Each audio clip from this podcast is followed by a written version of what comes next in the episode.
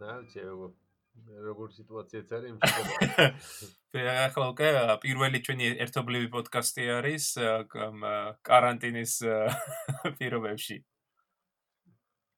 ო, მგონი. რამოდენიმე მსმენელმა შემოგჩვიულა, რომ რა არის караშვებითო ამ ამ გაგანია каранტინში შემოგვეშველითო ეპიზოდებითო.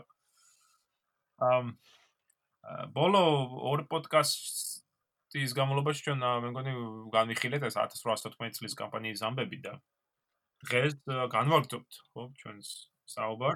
ხო, აი ხა მიუხედავთ იმისა, რომ ეს კამპანია ერთი წლის განმავლობაში თქვა დარც ყოფილა ფაქტობრივად, მაინც საკმაოდ გაიწელა იმაში ჩვენ პოდკასტების სერიაში, იმიტომ რომ ძალიან ბევრი მნიშვნელოვანი სამხედრო მოქმედება იყო რა, ანუ ნაპოლეონის სამხედრო ხელოვნებაში ერთ-ერთი გამორჩეული კამპანიაა თავიდან ბოლომდე. ნამდვილად 1814 წელსა და იმიტომ რომ ისეთ პირობებში უხდებოდა ამ შემთხვევაში მოქმედება, რომ ანუ იმ ხელა არმიებთან მოწინააღმდეგისა, რომ აი საინტერესოა უბრალოდ როგორ უკრავდებოდა ამ ყველაფერს ამ პერიოდის განმავლობაში. დიახ, ჩვენ ცალკე პოდკასტი დავუთმეთ ხო ეგრეთ წოდებულ 6 დღიან კამპანიას და შემდეგ თალკე წინა პოდკასტშიც განვიხილეთ ამ კამპანიის მეორე ეტაპიც, ხო?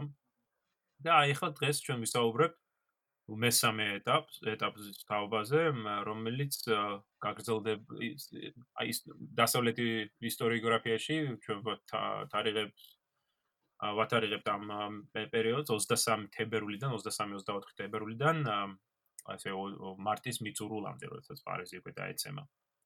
და აქ აღსანიშნავია ამ პერიოდში როგორც სამხედრო მოქმედებები. ო ჩვენ ხედავთ მოკავშირეები ცოტა მოვლენ გონს და შეცვლიან თავის სტრატეგიასაც და ასევე ნაპოლეონის შეცდომები. და რაც თავარია აი დიპლომატიური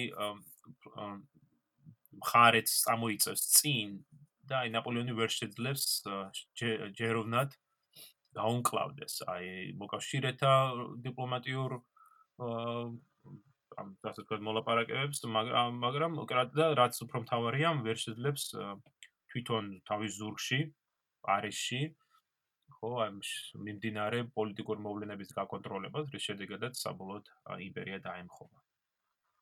ამ მსენელს მინდა შევახსენო რომ აი წინა პოდკასტის შედეგად ჩვენ განვიხილეთ აი ეს საინტერესო პერიოდი ხო თებერვლის მოვლენები როდესაც ნაპოლეონმა მოიპოვა ესეთიზეთ რამოდენიმე გამარჯვება და თითქოს ისე უჩანდა პირი ამ კამპანიას რომ აი მოატრიალა თქო ხო?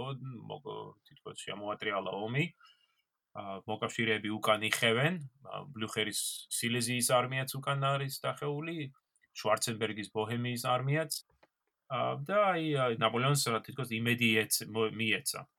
მაგრამ აი ხო როგორც დავინახავთ ყველაფერი შეიცვლება. 25 თებერვალს მოკავშირეთა წინამძღოლები შეიკრიბნენ ბარსუროვში, ქალაქ ბარსუროვში სამხედრო თათბირზე. ამ თათბირს ესწრებოდა იმპერატორი ალექსანდრე რუსეთის, ფრანცი ავსტრიის იმპერატორი, ასევე ფრიდრიხ ვილჰელმი პრუსიის მეფე და კიდევ ერთი წარმომადგენელი შეემატათ ახლა უკვე მათ ეს იყო ლორდი კასრი, რომელიც ბრიტანეთის ხელისუფლების წარმომადგენელი გახდათ, საგარეო მინისტრი და წარმომადგენელი. ანუ ახლა უკვე ბრიტანეთის უშუალოდ წარმომადგენელი არის აქ. რატო არის საინტერესო ეს სამხედრო საბჭო, ხო? იმით რომ მოკავშირეებმა გადაავლეს თვალით მოწინა სამი კვირის მოვლენებს განსაკუთრებით წინა კვირის, წინა 10 დღის მოვლენებს, როცა ნაპოლეონმა ამდენი გამარჯვება მოიპოვა და გადაწყვიტეს, რომ ცოტა შეეცვალა თავისი ტაქტიკა და სტრატეგია. პირველ რიგში ისინი შეთანხმდნენ, რომ ლიონთან, როგორც მე ვახსენე, ოჟერო როი ახდენდა ახალი ჯარის მობილიზაციას, ხო, ნახეთ ჩვენ წინა პოდკასტში, რომ ნაპოლეონი უგზავნის წერილებს ოჟეროს და ამხნევებს რომ არ იქა გაიხსენე წარსული ხო იტალიის კამპანია როგორი ეჯიტი იყავი და სხვა შორის მაგ წერილებმა უფრო უკუ რეაქცია იქონია ოჟეროზე იმიტომ რომ განაცხენდა ოჟერო ნაპოლეონზე და თითქოს და ირიქით უფრო ნელა მოქმედებდა მაგრამ ახლა მოკავშირებმა ცხადი არ იცოდნენ ეს. და ამიტომ მათ გადაწყვიტეს რომ გამოიყოთ 35000 კაციანი корпуსი გენერალ ბუბნას მეთაურობით და გაეგზავნათ ლიონისკენ, რათა აა ოჟეროსთვის ედევნებინა თვალი და თუ საჭირო იყო აა შეეჩერებინა მისი წინსვლა. შემდეგ აა ამ თათბირზე მოხდა ცოტა არ იყოს ეს ასთა განსხვავება, განხეთქილებაც კი შეიძლება უწოდოთ ამას, იმიტომ რომ ავსტრიელები შვარცენბერგის მეთაურობით მათ უნდათ უკუქცევ ისე უკან დახევის გაგრძელება. ისინი ამბობდნენ რომ უკეთესი იქნება თუ კიდევ უფრო დავიწევთ უკან აღმოსავლეთისკენ, ქალაქ ლანგრესკენ და იქ დავბანაკდებით, ამით უკუ უკუსლი ჩვენ შევძლებთ ამ საკომუნიკაციო და ხო ხაზების შემოკლებას, უფრო ადვილი იქნება ჩვენთვის სურსასანოვაგეს მოზიდვა ჩვენ იმ ტერიტორიებიდან ვაკონტროლებ. ანუ ლოჯისტიკის პრობლემების მოგვარება. ზუსტად. და უფრო შევძლებთ და მას უნდა და აი ცოტა ჯარების, აი ბლუ ჰერის სილეზიის არმია ხო ჩრდილოეთით არის უფრო და აი უნდა და რომ უფრო ახლოს მისულიყვნენ და უფრო კოორდინირება მოიხდინა მათ შორის. მაგრამ ბუნებრივია ეს უკუნდა უკუ ქცევა იქნებოდა ხა ეს უკან დახევა შეიძლება სტრატეგიული უკან დახევა უწოდო, მაგრამ საზოგადოების თვალში ეს იქნებოდა როგორც დამარცხების აღიარება და ცხადია იმპერატორმა ალექსანდრემ და პრუსიის მეფემ უარი თქვა ამაზე და პირიქით მოითხოვეს დაუყოვნებლივ შეტევის გაგრძელება ხო? იმიტომ რომ პრინციპში ხა რამხელა უპირატესობა ჰქონდათ რიცხობრივი და ყველა თვალსაზრისით ნაპოლეონზე და ხა. ასე დროს მომენტი მიცემ მათ ხელში იყო რეალურად და რატომაც არ მოგაიგზელებინა პრინციპში ხა. დიახ. ანუ ეს არის ერთი პირველი მომენტი რომ ეს აი საინტერესო რა რა მოხდებოდა ვთქვა რომ უკუ წასული იყვნენ კიდე უფრო ლანგრისაკენ როგორც არის მართებოდა მაგრამ ამ სამხედრო საბჭო იმდენად მნიშვნელოვანი არ არის თავისი შედეგებით რამდენიც არის შემდეგი შეხვედრა, რომელიც მოკავშირეებმა მოაწყვეს უკვე ქალაქ შამონში. შამონში შეხვდნენ 1 მარტს. თითქმის ერთი კვირა ისაუბრეს და საბოლოოდ ხელი მოაწერეს 9 მარტს მოაწერეს ხელშეკრულებას, მაგრამ დაათარიღეს 1 მარტით. ასე რომ შამონის ხელშეკრულება ხელმოწერილი 9 მარტს, მაგრამ დაათარიღებული 1 მარტით. ეს არის ერთ-ერთი უმნიშვნელოვანესი ხელშეკრულება ამ ნაპოლეონის ომების. ვინაიდან მოკავშირეებმა და აი ამ სხვა შორის მე დააღნიშნო რომ აი ლორდ კასერიმ ბრიტანეთის წარმომადგენელმა ითამაშა გადამწყვეტი როლი ამ ხელშეკრულების შემუშავებაში და ხელმოწერაში. და ამ ხელშეკრულებით რა მოხდა რომ კასერის მიხვდა რომ მოკავშირეთა შორის არსებობდა ეს სხვადასხვაობა ხო ამ ბარსურობის სამხედრო საბჭოზეც გამოჩნდა ეს. ის ბუნებრივია წინაკვირეების დამარცხებებმაც ცხადყვეს, რომ მოკავშირეთა შორის არ არ იყო ეს ერთსულოვნება. ამიტომ კასერის უნდოდა ერთ მუშტად შეეკრა ეს მოკავშირეები და სწორედ შამონის ხელშეკრულება ამისანს ემსახურება. ერთ-ერთი დებულება ამ შამონის ერთ-ერთი უმთავრესი არის ის, რომ მოკავშირეებმა დადეს ფიცი, რომ ისინი განაგრძობდნენ თუ საჭირო იქნებოდა განაგრძობდნენ ომს ნაპოლეონის წინააღმდეგ 20 წლის განმავლობაში. ანუ შეკრეს კავშირი და თქვენს რომ ეს კავშირი 20 წლის განმავლობაში იქნება ერთად და თუ საჭიროა განვაგრძობთ ბრძოლას ნაპოლეონის წინააღმდეგ. ხო, ახლა მისაფლავი აღარ ქონდათ, რა ქვია, ფრიდრიხისა რო ჩასული. 1800 ხუთში რო მივიდა, ხო? ა პიცი რო დადეს.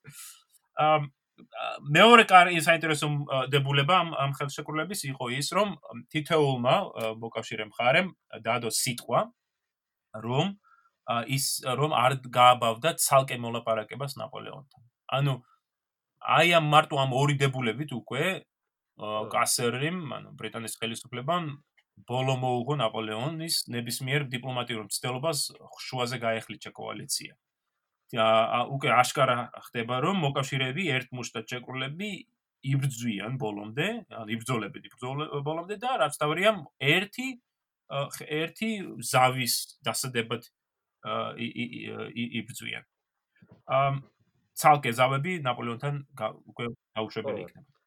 პრინციპში ასე ასეთი ერთიანი ევროპა არ ყოფილა მგონი არასოდეს მანამ. ხო, აი და ზუსტად ნაპოლეონის წარმატების ერთ-ერთი წინაპირობა სწორედ ეგ იყო, ხო, რომ ადრე შეიძლება კოალიციები ხო, ჩვენ ვთქვით ამაზე წინა პოდკასტებშიც, ხო.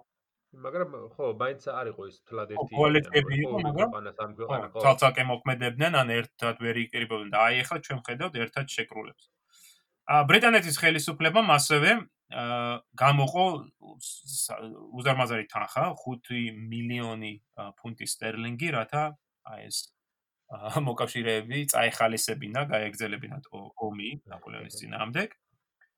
და შემდეგ კიდევ ერთი საინტერესო დებულება ამ ხელშეკრულების იყო ის, რომ მოკავშირეებმა სცადეს უკანასკნელად, სცადეს ნაპოლეონთან საერთო ენის მონახვა. და მათ გაუგზავნეს ნაპოლეონს შეთავაზება. რომ დაზავებულიყვნენ, დაესრულებინათ ომი, თუ ნაპოლეონი თუ ნაპოლეონი დათანხმდებოდა საფრანგეთი დაბრუნებულიყო 1791 წლის საზღვრებში. ხა რაც გულისხმობდა ეს? ეს გულისხმობდა, რომ არა მარტო იმპერიის დაკარგვას, მაგას ვიღაც ჩივის, ხო, უკვე. არამედ გულისხმობდა ყველა იმ ტერიტორიის დაკარგვას, რომელიც რომელიც საფრანგეთმა შეიძინა რევოლუციურ პერიოდში. აქ ამ უმთავრესი, რა თქმა უნდა, იყო აი ჩtildeო აღმოსავლეთ რეგიონში, ამ საფრანგი ფრანგების მიერ ოკუპირებული, დაკავებული რაინის პირეთი. რატო არის ახლა ეს მნიშვნელოვანი? იმიტომ რომ ერთ-ერთი ესე გრძელვადიანი ხო პოლიტიკა, რომელსაც საფრანგეთის მეფეები და შემდეგ უკვე რევოლუციური ხელისუფლება და ახლა უკვე ნაპოლეონი აწარმოებდნენ, იყვნენ ეგრეთ წოდებული ბუნებრივი საზღვრების მოპოვება, ხო? ეს ბუნებრივი საზღვრებზე ჩვენ ვისაუბრეთ ერთ მე მგონი ერთი ორჯერ. ეს იყო პირენეების სამხრეთში, ეს იყო ატლანტიკის ოკეანე დასავლეთში, ეს იყო ალპები სამხრეთ აღმოსავლეთში და აღმოსავლეთით და ჩრდილოეთით. ო რაინი. იყო, დიახ, რაინი იყო. და აი ამ შემოთავაზებით 1791 წლის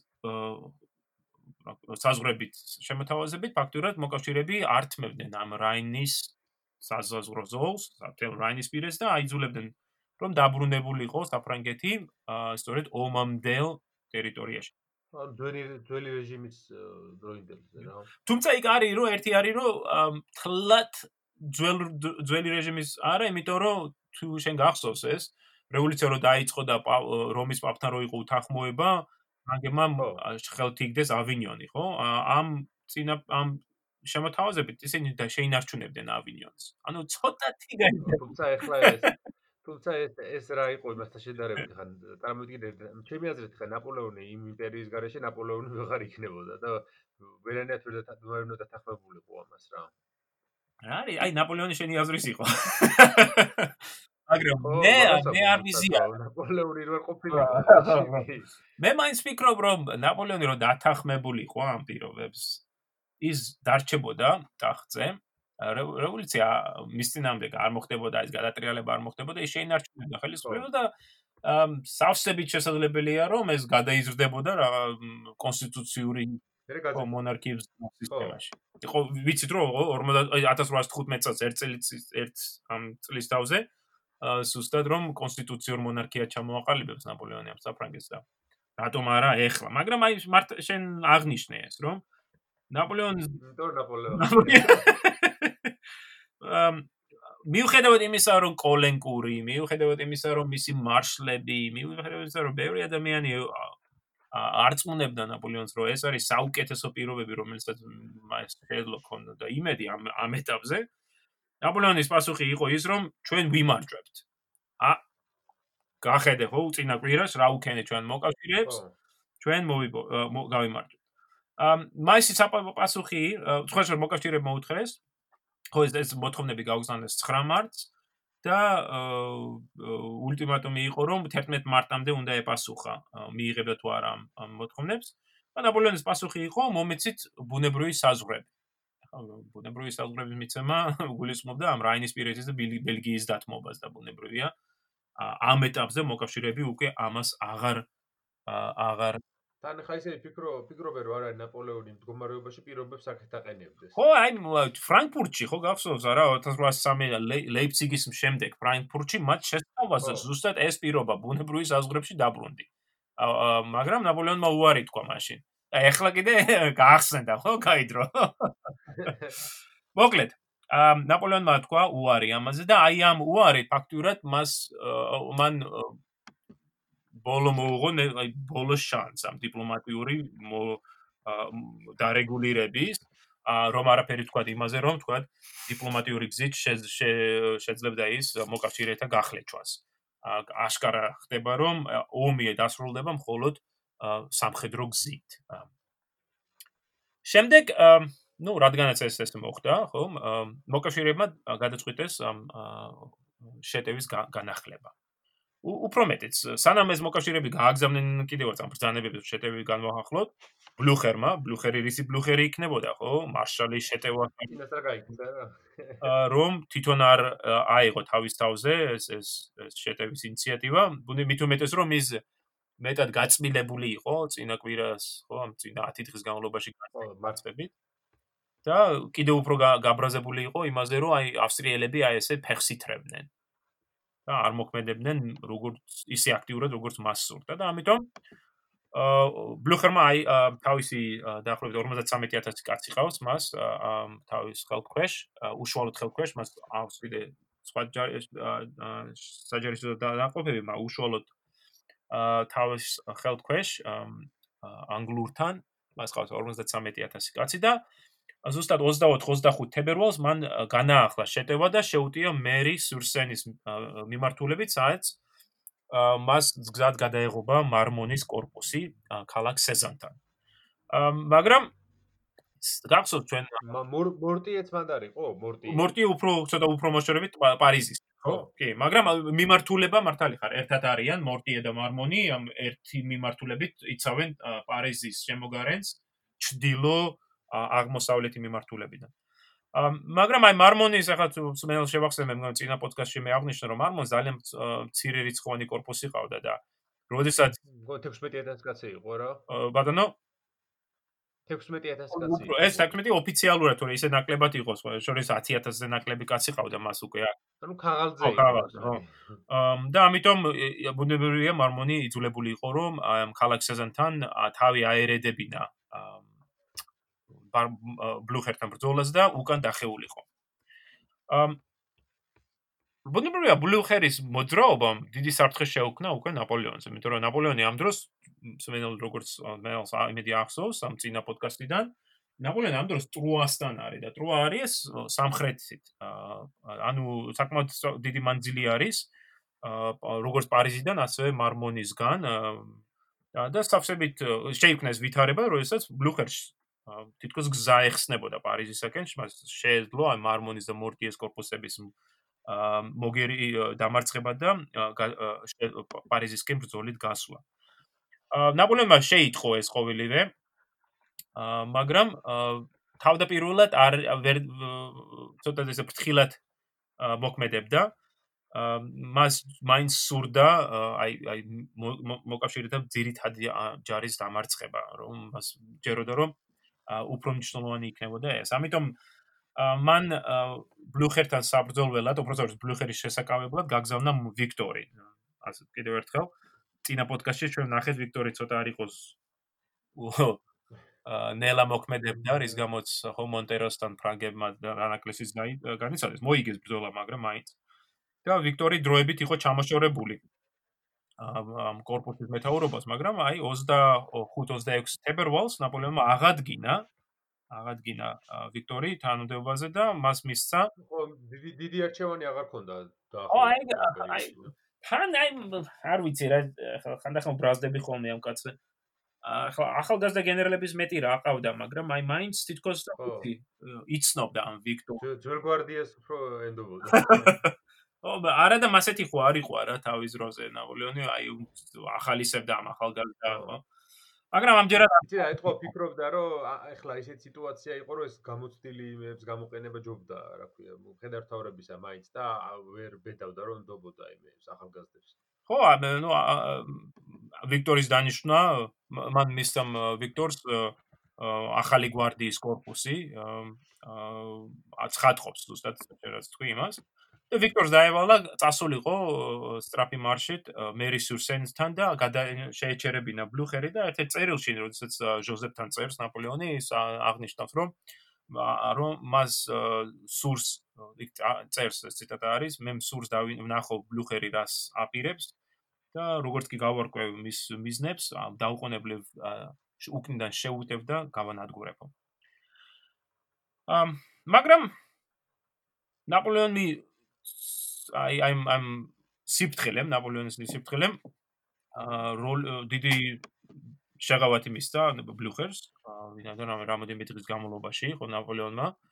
მისცა საშუალება ბლუხერს წასულიყო წაწულიყო წინ. როგორც აღნიშნე სეზონთან დაპირისპირება 24 თებერვალს იყო ანუ 25-26 ორი დღე წარმოიდგინე დრო არის. 27 თებერვალს მარმონმა შეატყობინა იმპერატორს რომ ბლუხერი უკვე იყო ლაფერ გოშიესთან და რომ პარიზისკენ იწებდა სტრაფი ტემპით. და სწორედ ამ დროს აი ამ მომენტში ნაპოლეონი მიხვდა 27 თებერვალს რომ ბლუხერი კი არ ცდილობდა თქვა და მორტიეს და მარმონის корпуსებისთან ბრძოლას და დამარცხელა, არამედ მისი მიზანი იყო სწორედ პარიზისკენ გარღვევა. მან დაუყოვნებლივ გაგზავნა მარშალი ნეი, რათა გაეძლიერებინა ეს დაცვითი პოზიციები და შემდეგ თითო ნაპოლეონიც გვარდიის დარჩენილ ნაწილთან ერთად დაიწყო სტრაფი მარში ტრუადან ბლუხერისაკენ. მას იმედი ჰქონდა რომ გამოიჭერდა ბლუხერს ასეთ თუ პოზიციებზე. მაგრამ ნახოთ ჩვენ რაც მოვა. ეხლა ტრუადან რო წავიდა ნაპოლეონი ბუნებრივია უნდა დაეტოვებინა ვიღაცა უკან და ეს და მე სტანდებობა ტრუასთან ჯარების უფროსობა ჩაბარა მარშალ მაკდონალდს. კლავ ხედავთ ხო ძველ გვარდიას ასე ვთქვათ. ხო ვინ არიან აქ? მაკდონალდი არის თავარი. მამას ეხმარებიან უდინო, ჟერარი, კელერმანი, ამ ყველა ჩვენი ძველი ნაცნობი. ამ თლიანობაში თლიანობაში მათ ყავთ მხოლოდ 40000-მდე კაცი. 40000-მდე კაცი. მაშინ როდესაც შვარცენბერგის ჯარი 100000 კაც აღემატება. ნუ თითქმის ორჯერ თითქმის კი ორჯერ უფრო მეტი მოწინააღმდეგე სპირისპირ არიან. მაგრამ მაკდონალდის დავალება იყო რომ თვალი ედევნებინა შვარცენბერგისათვის და თუ დაიწყებდა ის ინსულას დაუყოვნებლივ და დაუყოვნებლივ გაიგზავნა გზავნილი იყო ნაპოლეონთან და შეეთყობინებინა და რაც თავარია ცოტა ხრიქს მიმართეს. აა ჯარისკაცები პერიოდულად ჯარისკაცებს ევალებოდათ დაიწყოთ ყვირილი vive l'empereur! Vive l'empereur! ხო გაუმარჯოს იმპერატორს. რო ავსტრიელთა ავსტრიელთა რო თითქოს ნაპოლეონი იყო ხო გაეგოთ ავსტრიელებს და ეგონათ რომ ნაპოლეონი ჯერ კიდევ აქ იყო. ამ მოკლედ რა ხდება ახლა ჩრდილოეთში? 1 მარტს 1 მარტს ბლუხერმა მიიღო შეტყობინება რომ რაღაც ფრანგული ახალი რაღაც დანაყოფები მოძრაობდნენ სეზანთან. ბლუხერმა უკვე ჩაიარა სეზანი, უკვე იბრძვის ქალაქ მოსთან, რაც პარიზის შემოგარენ, ნუ საკმაოდ ახლოს არის პარიზთან და აი მიიღო შეტყობინება რომ სეზანთან არის რაღაცა მოწინააღმდეგის მოძრაობაო. ამიტომ აა დაიჭდა გამოცდილი კაცია ბლუხერი და დაიწყო ჯარების განლაგება, სწორედ ბინარე მარნის ჭდილო ნაპირზე. აა სწორედ ამ დროს აა როდესაც აი ამ გადაადგილ გადაადგილებს აი ამ ჯარს აი ნაპოლეონი გამოჩნდა ამ პრუსიელთა מחლობლად და მართალია ნაპოლეონმა სცადა იერიშის მიტანა, მაგრამ აი ბლუხერმა მოასწრო მდინარის ჩრდილოეთ ნაწილზე გადაცვლა და ხიდების გადაცვლა. ასე რომ ბლუხერი გადარჩა. ამ ნაპოლეონი საკმაოდ გაბრაზებული იყო. მიტომედის გაბრაზებული იყო იმით, რომ მის ჯარში არ აღმოჩნდა საკმარისი საპონტონო და მოწყობილობები და ჯარმა ვერ შეძლო დროულად დინარეზე გადასვლა. ამ ერთი დღე მოანდომა, ერთი დღე მოანდომა თითქმის ამ ამ ხიდების აშენებას გადავიდნენ უკვე 3 დაახლოებით 2 მარტს, 2-3 მარტს გადავიდნენ ფრანგები მდინარე მარნზე და ამ დროს გაგზავნეს შიკრიკები, ხო დაიწყეს ინფორმაციის შეკრება და შეიტყო ნაპოლეონმა, რომ ბლუხერი ჩრდილოეთით მიდიოდა.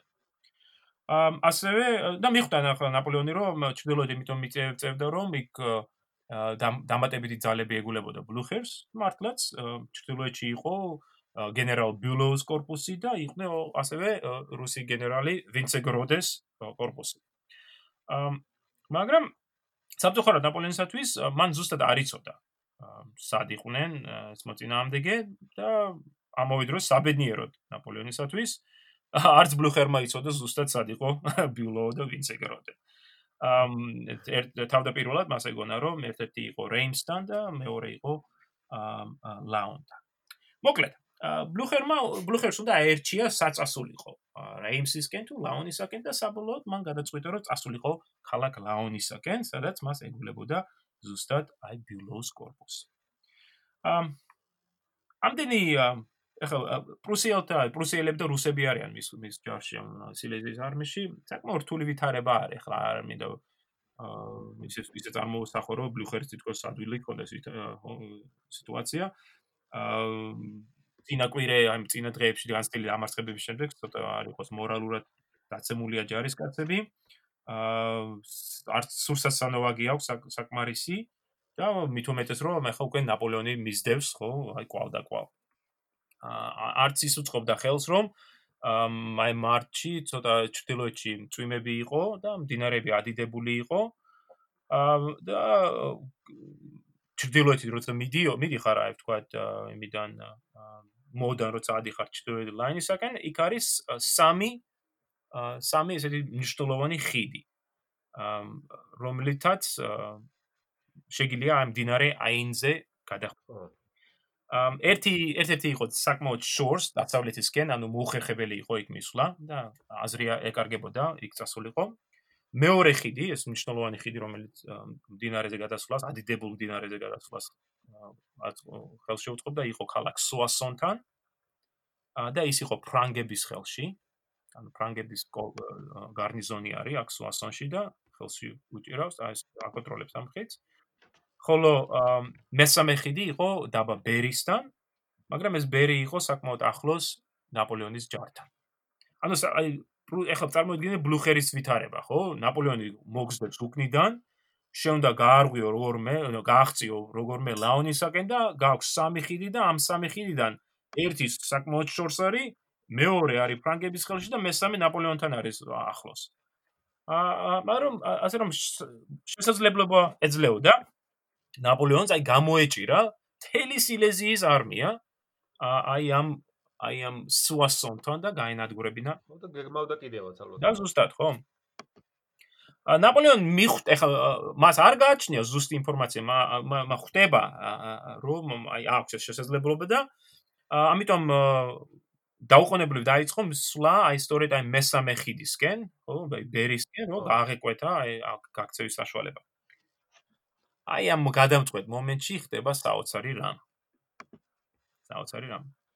ამ მოკავშირეები ვინცეგოროდე, სწორედ ამ კაცმათ მაგრა მაგრა გამოიჩინა თავი. ვინცეგოროდე მივიდა სუასონში.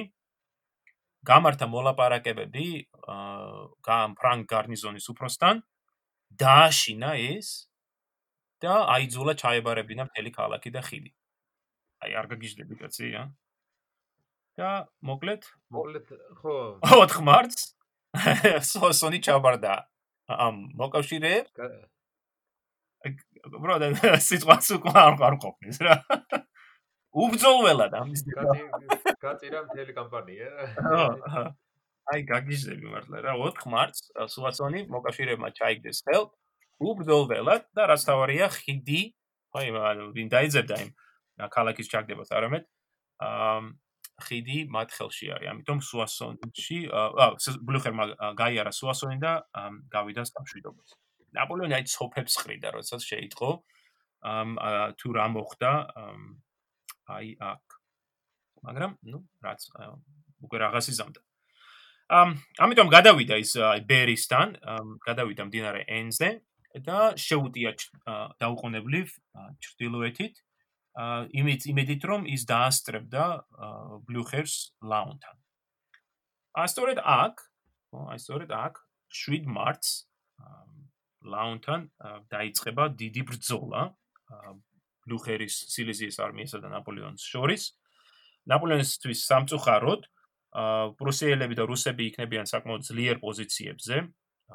ქალაქი ლაუნი არის ამაღლებულ ადგილზე, ესე ბორცვზე და აი სწორედ იქ იქნება ამ მოკავშირეთა ძალები და განლაგებულები იქნებიან საკმაოდ ძლიერ პოზიციებზე. ფრანგები იძულებული იქნებიან რომ შეეტიათ ამ ბორცვებზე და შედეგად მოხდება ის სისხლისღვრელი, საკმაოდ სისხლისღვრელი ბრძოლა. ჯერ ლაუნთან, უბრალოდ ჯერ კრაუნთან და მერე ლაუნთან. რომლის შედეგად ფრანგები განიცდიან საკმაოდ დიდ ზარალს და ნაპოლეონი იძულებული იქნება უკან დაიხიოს. ანუ ვერ ვიტყვით რომ თლად ეს ბრძოლა, საკუთრებით კრაუნის ბრძოლა, არის ფრანგების დამარცხება. როგორც ასეთი, იმიტომ რომ საკმაოდ ძიმე დანაკარგი მიაყენეს მოკავშირეებს. მაგრამ კამპანია თლიანობაში ეგრაც იყო იმის გასანადგურებლად მარცხით არ დამთავრებული. ხო, თან იმას თუ გავითვალისწინებთ, რომ ნაპოლეონმა 8000 კაცი დახვდა, დაახლოებით 8000 კაცი დაკარგა კრაუნთან. 30 კილო. ამ დროში მისთვის დიდი ის არის ეს დანაკარგი. იმიტომ რომ ამ ამ 8000 ვერღარ დაიბრუნებდა ის ესტრაფა, როგორც მოკავშირეებმა, რომელმაც დაახლოებით 5-6000 კაცი. არ არის აღგენადი ეს რესურსები ფაქტობრივად. ზუსტად აი ნაპოლეონისათვის ეს დამარ ეს კრაუნთა ბრძოლა 7 მარტს ფაქტობრივად დამარცხების ტოპასი არის. და შემდეგ უკვე აი ეს გადამწყვეტი ბრძოლა უკვე 9-10 მარტს ლაუნთან უკვე აა დამარც უკვე აშკარა დამარცხება არის ნაპოლეონისაზე, იმიტომ რომ როდესაც ბლუხერთან იბრძვის, ბლუხერს დროზე მიუვა დამხმარე ძალა, ეს სწორედ ის პრუსიელი корпуსი და ვინცეგოროდეს корпуსიც, რომლის შედეგადაც ბლუხერის საერთო ჯარი ეს გაიზრდება 90000 კაცამდე, მაშინ როდესაც აა ფრანგების ჯარი 35000 კაცამდე დაახლოებით აღწევდა ახლა დანაკარგეთ საკმაოდ მძიმე არის ფრანგებისათვის კიდევ კიდევ 7000 კაცი დაკარგეს აქ ანუ ამ თლიანობაში 7-დან 10 მარტამდე ხო ნაპოლეონსმა დაკარგა თავისი ჯარის მესამედი. და აი ამ ლაუნთან და კრაუნთან ბრძოლების შედეგად ნაპოლეონი იძულებული არის რომ დაიხიოს უკან. ახლა მეორე მართულებაზე აა მოუწია მას გადართვა ფაქტობრივად და შვარცენბერგის მართულებაზე. კი, ამ მასობაში შვარცენბერგი როგორც წინა გაიღვიძა, ხო? ხო, დაიძრა. როგორც იქნა დაიძრა. მაგრამ სანამ სანამ ფარცენბერგზე ვისაუბრებდით, მინდა აღვნიშნო ერთი რამ, რომელსაც ერთი კიდევ ერთი საფრონტო ხაზი, რომელსაც იმდენად იმდენ დიდ დიდ ყურადღებას არ ვაქცევთ ხოლმე ამ სამხრეთისკენ ნამდვილად. ამ არ მინდა დაივიწყოს სმენელმა რომ ნაპოლეონი იბრძვის არა მარტო ჭრდილოეთში, თქვა ბლუხერთან, შვარცენბერგთან, ბულოსთან და სხვებთან, არამედ მას ასე უტევს ბრიტანულ, ესპანურ, პორტუგალიურ ძალებს. ველინგტონის ჯარი. ნამდვილად, სამხრეთში, ხო? აა ჩვენ აა უცებრონ შევახსენებთ სმენელს 1813 წლის ივლისში სულტმა მარშალ სულტმა, რომელსაც რომელიც გადართავრებდა ფრანგულ ჯარებს აქ ესპანეთში, სადა კონტრშეტევის წამოწყება, რომელსაც რომლის შედეგად მოხდა ეგრეთ წოდებული ბრძოლა პირენეებისათვის. და სხვა შორის მან მოიპოვა ორი გამარჯვება მოკავშირეებზე აქ, მათ შორის ერთ-ერთი იყო გამარჯვება, გახსოვს შენ რონსევალის უღელტეხილი? ხო. ხო, სადაც ის ცნობილი ამბავი მოხდა როლანდის. როლანდი რა, ზუსტად მაგ. ხო, მაგ როლანდის ამბავი იყო მერვე საუკუნის მიწურულს, ხო? საუკუნეში, კარლოს დიდის არიგარდში. ანუ და თითქმის ის 1000 1000 წელი გავიდა ახლა და ისე ბრძოლა ხდება აქ და ამჯერად ფრანგებმა მოიგეს ეს, მაგრამ მაინც ვერ შეძლეს ველინგტონის შეჩერება ამ ამ ბრძოლაში, ამ როსტევალთან ბრძოლაში სულტი ამარცხებს ბრიტანელ გენერალ კოულს, ანუ ველინგტონი არ არის აქ. და ველინგტონმა შეძლო შემდეგ უკუს შემოვლითი მანევრით აეძულა სულტი უკან დახეულიყო და აი წლის ბოლოს, უკვე 1813 წლის ბოლოს, ყველაფერი მზად არის იმისათვის, რომ ფრანგები გადასულიყვნენ უკან საფრანგეთში, ხოლო ბრიტანელები დადევნებულიყვნენ მას. ამ ამ და მართლაც ნოემბერში სულტის არმია განლაგებული არის ეგრეთ ქალაქ ნიველთან და აი აქ ველინგტონი მას დაამარცხებს და აიძულებს გადავიდეს პირენეებზე და უკვე დაედევნება ველინგტონი და 1814 წლის იანვარში, მაშინ სწორედ როდესაც მოკავშირეები გადადიან რაინზე და უტევენ ნაპოლეონის ჩრდილოეთში, ველინგტონი უტევს სამხრეთიდან. ა მომდევნო აი ეს ორი თვის განმავლობაში, იანვარში და თებერვალში ხდება რამოდენმე მნიშვნელოვანი ბრძოლა სამხრეთში, მათ შორის ბრძოლები გარისთან, ადურთან, ტარბესთან, რომელთაც რომლებიც ყველა ბრიტანელების სასარგებლოდ სრულდება და აი სულტი ნელ-ნელა იძულებულია უფრო და უფრო მეტი ტერიტორია დათმოს მარტისთათვის უკვე ბრიტანელები უახლოვდებიან ბორდოს და ტულუზას. ანუ ეს ეს მნიშვნელოვანი გარემოებაა, რომ გავითვალისწინოთ, რომ ნაპოლეონს არ გააჩნია ხო ეს საკმარისი რესურსები, არც ადამიანური, არც არც ბუნებრივი რესურსები, რომ აწარმოოს ეს ორი ეს ომი ამ ორ ფრონტზე ერთდროულად. ამ მithumetes რომ ეხლა უკვე შვარცენბერგმა, როგორც შენ თქვი, ცოტა არ იყოს და კუმფეხი გამოყო და დაიწყო აა შეტევა. უეძახე და 108000 კაცი ყავდა თითქმის. ამ სწორედ ამ ამ შეტევით, რომელიც მარტის დასაწყისში გამოიწყო შვარცენბერგმა, ვინაიდან მან შეიტყო, რომ ნაპოლეონი ჩრდილოეთში იბრძვის, ხო? აა ბლუხერის წინამდე. შვარცენბერგმა წამოიწყო წინსვლა, მაგრამ საკმაოდ ნელა მოქმედებს. საკმაოდ ნელა. აა აა და სწორედ აი ამ დამახასიათებელია მისთვის. რაც ნამდვილად დამახასიათებელია და სწორედ ამ ნელი მოქმედების გამო ნაპოლეონს მიეცა საშუალება კიდევ ერთი იერიში მიეტანა ბლუხერის სილეზიის არმიაზე. ამჯერად მან გაანადგურა 12-13 მარტს სილეზიის არმიის ერთ-ერთი корпуსი, რუსული რუსულ-პრუსიული корпуსი, ქალაქ რეიმსთან. საკმაოდ საინტერესო ბრძოლა ხდება. აა რუსები არის მოკავშირეები არ არიან მომზადებულები. მათ სხვა შორის სათავეში უდგას გენერალი ემანუელ სენბრი ფრანგი ემიგრანტი რომელიც რევოლუციის დროს წავიდა რუსეთში რამდენი წელი გაატარა რუსეთში და ეხლა დაბრუნდა სამშობლოში. თუ შეიძლება მას მოსაფრანგეთს სამშობლო უწოდა უკვე მასე და აი დაბრუნდა საფრანგეთში ამ მოკავშირეთა კორპუსის მეტაურად. მან ხელ დაიკავა რეიმსი, მაგრამ არ არ არ მოახდინა სათანდო მომზადება და ნაპოლეონმა გამოიყენა ეს მოულოდნელი იერიში მიიტანა ქალაქზე. გაჩაღდა ეს გააფთრებული ბრძოლა და ამ ბრძოლაში აა სხვა შორის მოკავშირეები სასტიკად დამარცხნენ. აა სენპრი თვითონ სენპრი სასიკვდილო დაიჭრა. ნუ ახლა შეიძლება ითქვას, რომ ერთის ხრივ რო აი კლაუნზე და კრაუნთან ლაუნთან და კრაუნთან გაცდილი დამარცხების შემდეგ ნაპოლეონმა ცოტა არ იყოს, ეცადა თქვა შემოტრიალები ვითარება. მაგრამ რეიმსის ბრძოლა მასშტაბებით საკმაოდ ცირე მცირე ზომის არის. ახლა მოკავშირეებს აქვს მხოლოდ 16000-მდე კაცი ყავთ. ანუ არ არის ესეთი მასშტაბის ბრძოლა, ან წაგება ეს რომ დიდი როლი რამე ზეგავლენა იქონიოს. თან ხა იმ ხელა ძალები ყავთ რომ აი ეს პატარა დანაკლისი ხა ბევრს ვერაფერს ვერ დააკლებდა თლიანობაში. ნამდვილად. ა მაგრამ აი სნობა რომ ნაპოლეონი რეიმსშია, მიუვიდა შვარცენბერგს. და ამიტომ შვარცენბერგმა ცოტა არ იყოს დაიწყო სვლა. აა გააცოდა გული მოიცა რა აუჩ ხოთი აუჩ კარაცლას ამ და აა ნაპოლეონმა შეიტყვა მის შესახებ და ამიტომ მოკიდა თავის ჯარს, დასუსტებულ ჯარს და სტრაფი მარშით წავიდა ჩრდილოეთით სამხრეთ. ეხლა წარმოიდგინე ახლა მსმენელს ახლა შეიძლება ცოტა არ იყოს რთულია შეიძლება წარმოიდგინო ამდენი აქეთ იქით სიარული, მაგრამ მართლაც რამდენი სვლა მოუწიათ ხო ჯარისკაცებს ნაპოლეონისას ჯერ ამ 6 დღიანი კამპანიის დროს მერე წავიდნენ ტრუასთან, მერე ტრუადან გაიგეს რომ ბლუხერის ჩრდილოეთით არის, გაიცნენ პარიზთან, მერე პარიზიდან დაედევნენ ბლუხერს ლაონთან, მე ლაონთან კრაუნთან იბრძოლეს, მე აქედან გაიქცნენ რეიმში. ეხლა რეიმსიდან გამოიქცნენ ისე უკან სამხრეთში. რა წარმოიდგენ რამდენი რა დამკანცვლელი არის ეს ყოველივე.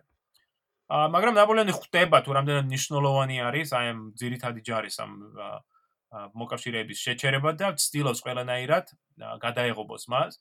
მას თან ყავს დაახლოებით 30000 კაცი, მეტი კი არა. მოკავშირეებს შენ როგორც თქვი 100000-ზე მეტი კაცი ყავს. მაგრამ ნაპოლეონი მაინც რისკავს და ქალაქ არსი მეტი გზა არა პრინციპში ახლა რა. ხო.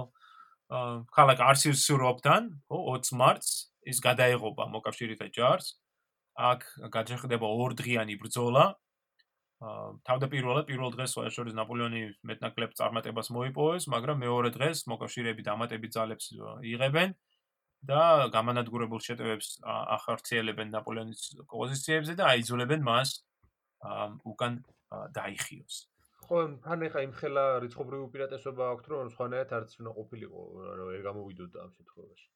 ხო, თან ახლა დანაკარგებს რო შევხედოთ, სხვა შორის თანაბარი დანაკარგებია დაახლოებით ორივე ორივე მხარემ 4-4000 დაკაცის დაკარგეს, მაგრამ ნაპოლეონმა 4000 კაცი დაკარგა 30000-დან და შვარცენბერგმა 4000 108000-დან, საკმაოდ.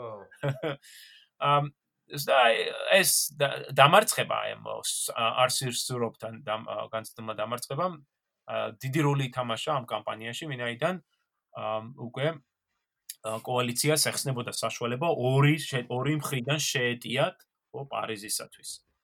ამ არსის სურობის შემდეგ ნაპოლეონიც მიხვდა, რომ მას აღარ შეეძლო აქით-იქით ცირბილი, ჯერ ბლუხერთან მე შვარცენბერგთან რომ ეს დამკანცვლელი არის და რაც თავია აღარ მოაქვს ამას შედეგი.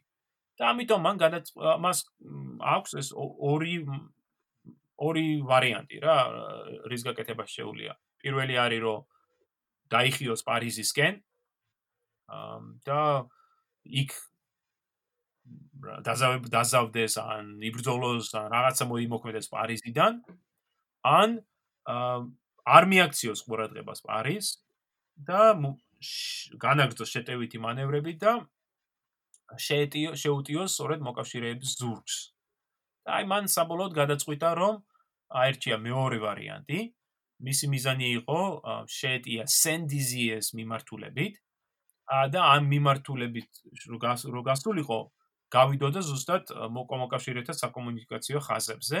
საფრთხეში ჩააგდებდა მათ სურსეთს ხო სურსეთს ანავაგეს მომარაგების საკომუნიკაციო ხაზებს და ასე შემდეგ და აიძულებდა ნაპოლეონის აზრით აიძულებდა მათ უკან ნახეულ შემბრუნებულიყვნენ ხო მაგრამ ბედმა არ გაუ არ გაუღიმა ხო აქაც ნაპოლეონმა ამ დროს ამ ამ ამ მარტის განმავლობაში მარი ლუიზა განუწყვეტლივ წერს ასის წერილებს რა ხშირად რომ წაიკითხავ წერილებს თუ დარიღო ნერვებზე მოიშლები რა სისულელეებზე აა მიწერს ხოლმე და თან რაც თავარია ხანდახან წუწუნებს ხოლმე. მარი ლუიზა რომ არიქა რატო დამიგვიანე რატო არ მწერ აა ვარ დამივიწყიო. შედავოცილო გადასარჩენას მივწია რა ის დავივიწყე აა და მოკლედ ნაპოლეონმა აი ზუსტად ამ დროს 22 მარტს მიწერა წერილი ცოლს. და აი ამ ცოლ ამ წერილში ამ მგონი ერთ-ერთი ესეთი მნიშვნელოვანი შეცდომა დაუშვა. ის ის არ არის რომ აი საბედის წერო, მაგრამ ამ რო არ ეს რომ არ გაიკეთებინა მოიგებდა, მაგრამ აიც ამ წერილში მარი ლუისთან მიწერო წერილში მოიკითხავს, ხო, ნუ საყვარელო არ და ნოგეშინი არ დაკივიწყე, ხო, სულ შენზე ვფიქრობ და მე წერს აი ჩემი გეგმა ეს არის, ვაპირებ სენტიზიესკენ წასვლას და ამის და ამის გაკეთებას. და 22 მარტს, როდესაც ეს გააგზავნა კაზაკებმა, შეიგდეს რა. აიგდეს ეს წერილი. და ფაქტურად მოკავშირეებმა შეიტყვეს თუ რა აპირებდა ნაპოლეონი. ის გამახსენდა ის ამბავი ბრიგადირ ჟერარის თავგადასავალიდან. რომელი ამბავი? არასწორ იმას ინფორმაციას რომ მისცემს ორ იმას ჰუსარს და გაგზავნეს ისე რომ სპეციალურად ყველაზე რთული გზით რომ მოიყავშირებს ხელში ჩაუვარდეს და არასწორად გაიგონ გეგმები და ეს რომ თავს დააღწევს ბრიგადირი ჯერარი რომ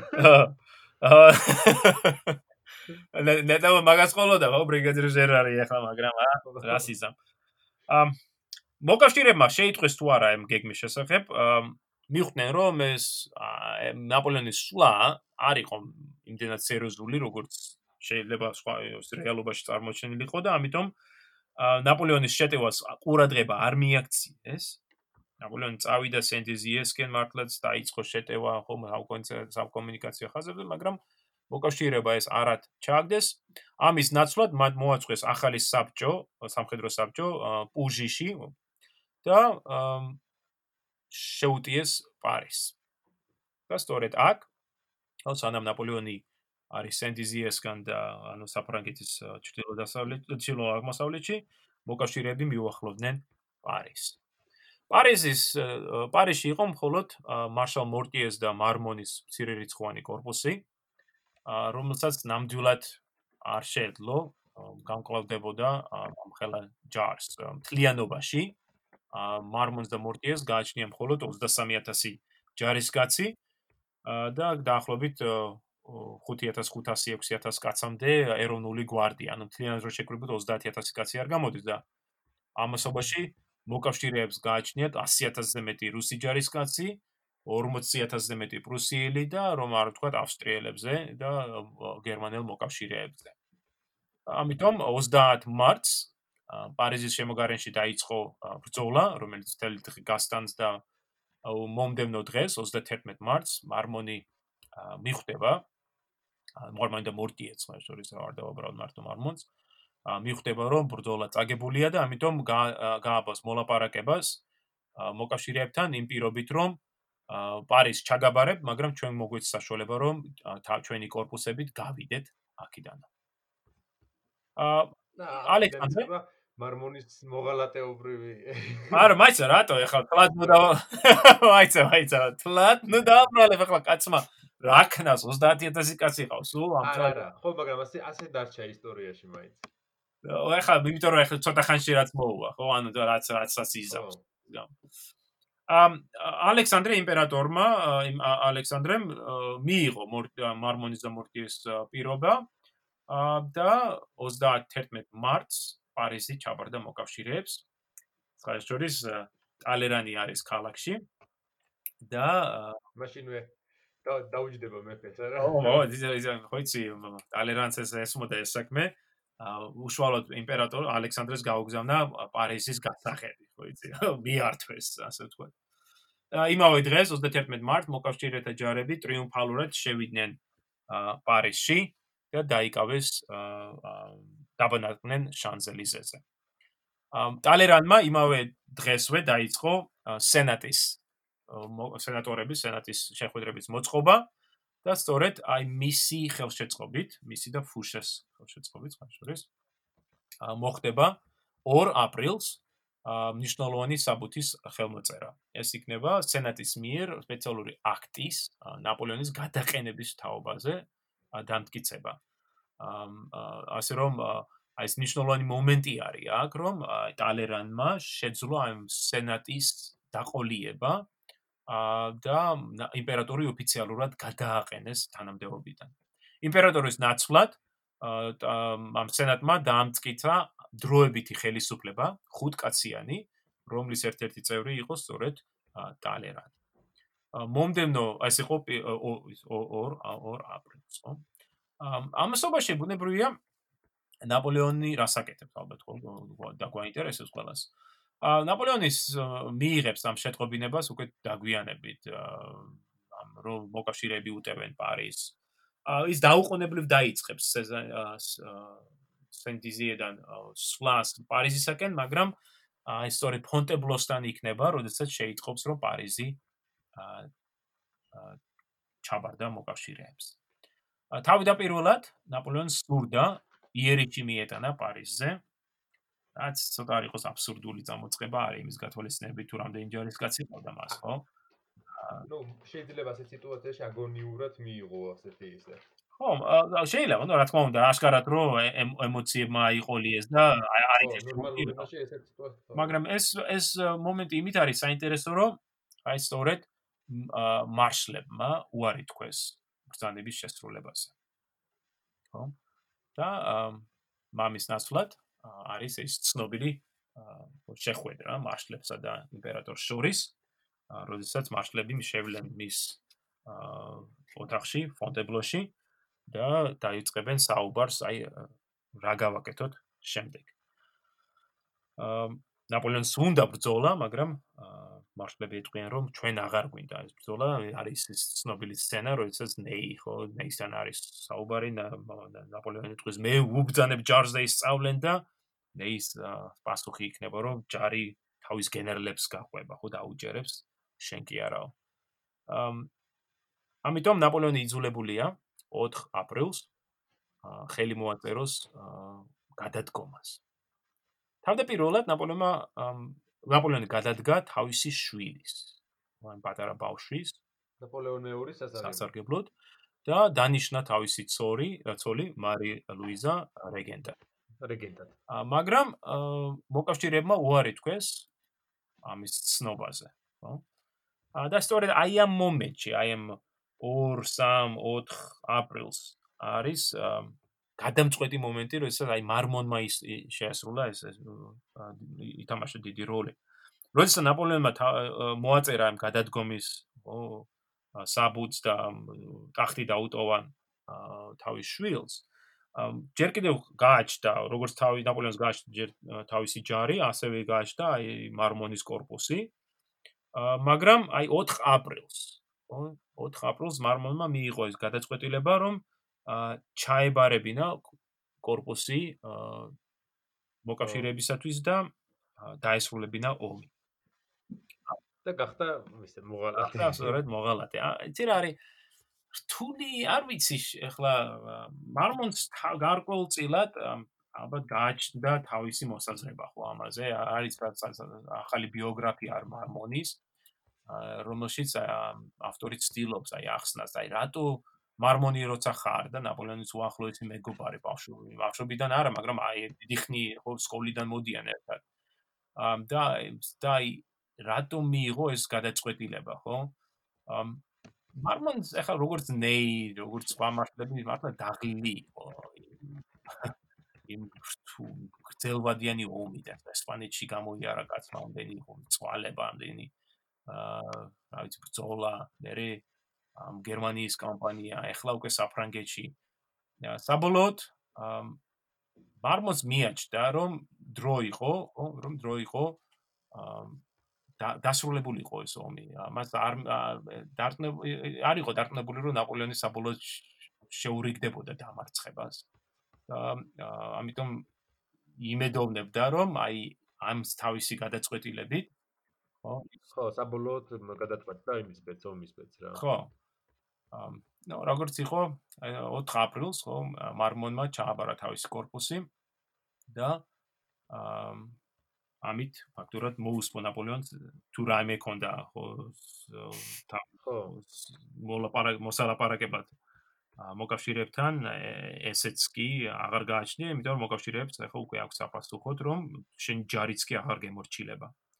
სწორედ ამიტომ საპასუხოდ მოკავშირეებმა მოითხოვეს ნაპოლეონის გადადგომა უკ არავით არ პირობი უპირობო გადადგომა რასაც ნაპოლეონმა ხელი მოაწერა და მართლაც 6 აპრილისათვის უკვე ის აღარ არის იმპერატორი. ცოტა არ იყოს სევდიანი სევდიანი მომენტია ჩვენთვის, ა? სამი წელი სამი წელი ვსაუ. ე, მაგრამ მაგრამ ჯერ წინ კიდევ გვაქვს ჩვენ. 100 დღის პერიოდი საინტერესო. აა, ანუ დაბრუნდება? აა, დაბრუნდება, ბრა. ამ იმავე ამ იმავე თვეს, ხო?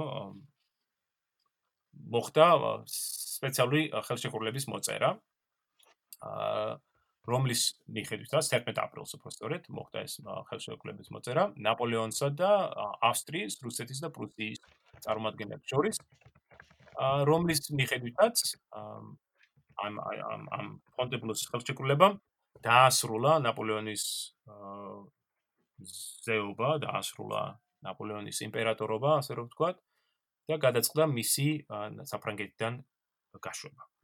ამ რო გადახედოთ ჩვენ ამ ფონტებლოს ხელშეკრულებას, საინტერესო რამეს აღმოვაჩენთ. პირველ რიგში არის ის, რომ ნაპოლეონი არ იყო დაკავებული, არ იყო დაპატიმრებული, არ იყო ხო იცი, სადმე გადასახლებაში გაგზავნილი. ამ ელბა, კონძული ელბა გადაეცა ნაპოლეონს როგორც დამოუკიდებელი სამფლობელო.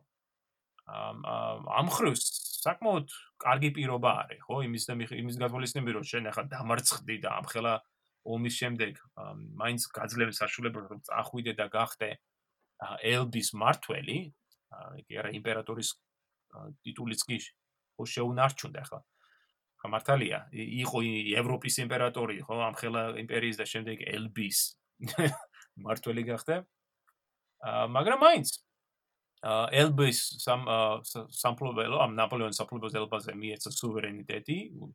აა მოკავშირეებმა აღიარეს ელბის დამოუკიდებლობა, აღიარეს ნაპოლეონის ახალი დროშა, თეთრი დროშა, წითელი ხაზი და მასზე აღმოსტვიფული სამი ოქროსფერი ფუტკრით. აა და რაც თავარი არის, რაც თავარი არის, ნაპოლეონს დაენიშნა ხელფასი. რომელსაც გადაიხდიდა საფრანგეთის ხელისუფლება. დაახლოებით 2 მილიონი ფრანკის. პენსიაზე გაუშვეს რა. ხო, საპატიო პენსიაზე.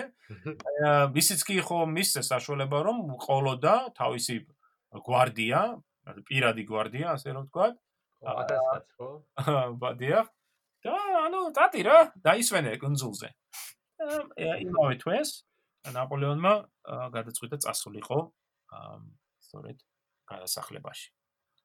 მაშინ მოდი აი აქ დავასრულოთ ჩვენი საუბარი ნიკა და შემდეგ პოდკასტში უკვე ვისაუბრებთ თუ რა ხდება ვენის კონგრესზე, რომელიც მოკავშირეებმა მოიწვიეს. და როგორ გადაწყვეტენ ისინი ნაპოლეონის ბედს. შეხვედრას.